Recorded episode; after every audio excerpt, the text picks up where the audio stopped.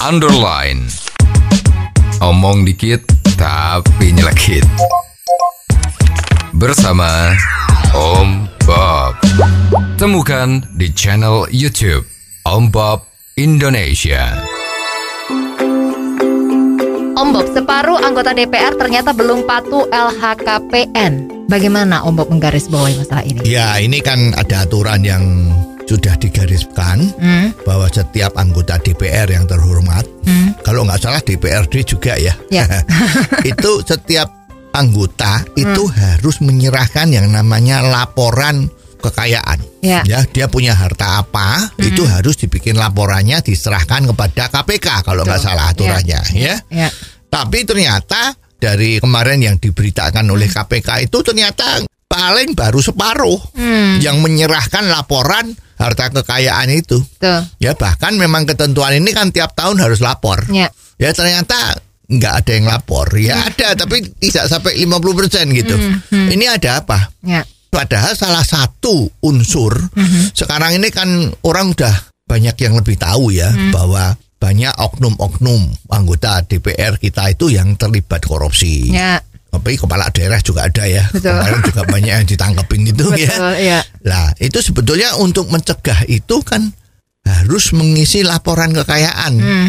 Tinggal sekarang dilihat kalau gajinya itu sebulan katanya itu cuman 5 juta. Hmm. Ternyata itu gaji pokok ya. Iya. itu kemarin kan wakil kepala KPK Betul. itu kan bilang gajinya dipotong. Hmm. Wah, luar biasa dipotong 40%. Ternyata yang dipotong gaji pokoknya.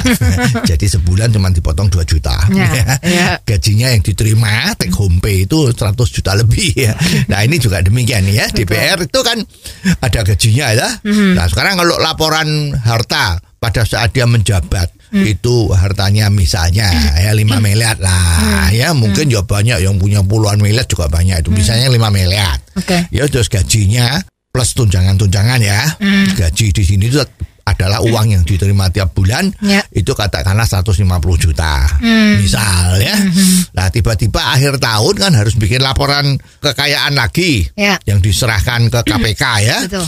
itu ternyata lo kok yang kemarin 5 miliar sekarang 20 miliar oh, ini 15 miliarnya dari mana Betul.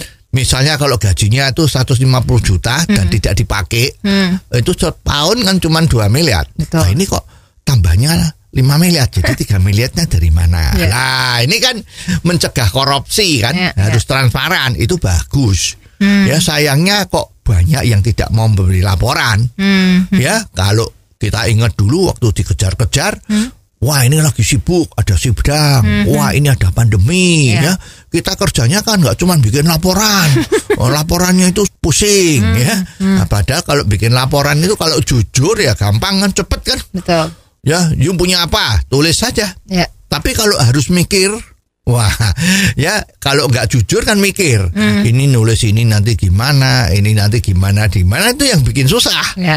Ya, jadi kalau sekarang dengan alasan banyak urusan ya atau ngisinya bingung, nah itu sebetulnya ya tanda tanya. Kira-kira kenapa banyak yang tidak menyerahkan laporan itu, Om Bob? Ya karena di dalam peraturan itu ada satu yang aneh. Apa itu? Tidak ada sanksinya kalau tidak menyerahkan laporan. Wah, paling diminta-minta, Ya, ya. ya diminta KPK, diminta Dewan Pengawasnya. Eh, DPR ya juga oh, belum selesai. ya, ya. ya saya eh, tangannya masih rematik nggak bisa nulis misalnya begitu mesin tiknya ngadat ya. Jadi aku biasa ngetik pakai internet internetnya down. Ya itu jadi tidak bisa apa-apa. Ya. ya jadi memang kalau membuat peraturan yang memang isinya betul-betul untuk mencegah agar supaya semua tuh ikut peraturan itu ya memang harus ada sanksinya. Kira-kira sanksi yang paling bagus itu apa, Bob? Ya kalau sekarang laporan dari anggota DPR yang terhormat itu kalau melanggar tidak menyerahkan laporan ini ya paling enak ya langsung bahwa dia harus dicopot. tidak lagi jadi anggota. Ya. Jadi kalau jadi anggota nggak bikin laporan nanti kekayaan nambah nambah nambah dari mana nggak ngerti gimana. Ya, ya, kan ya. tujuannya kan mengurangi korupsi. Betul. ya kalau sampai tidak bikin laporan ya udah diganti. Hmm. Ya, diganti, diganti. Kalau semua nggak mau bikin laporan gimana? ya ini, ya, coba kita pikir bersama ya supaya yang buat peraturan ini Hmm. di DPR sana itu Ya. bisa menemukan jalan keluar lah ya. Ini Ya. susah kalau kita ngomong. Oh, jadi begitu ya Om Bob. Jelas deh sekarang. Terima kasih Om Bob untuk waktunya. Sampai ketemu lagi di waktu yang akan datang. Underline. Omong dikit tapi nyelekit. Bersama Om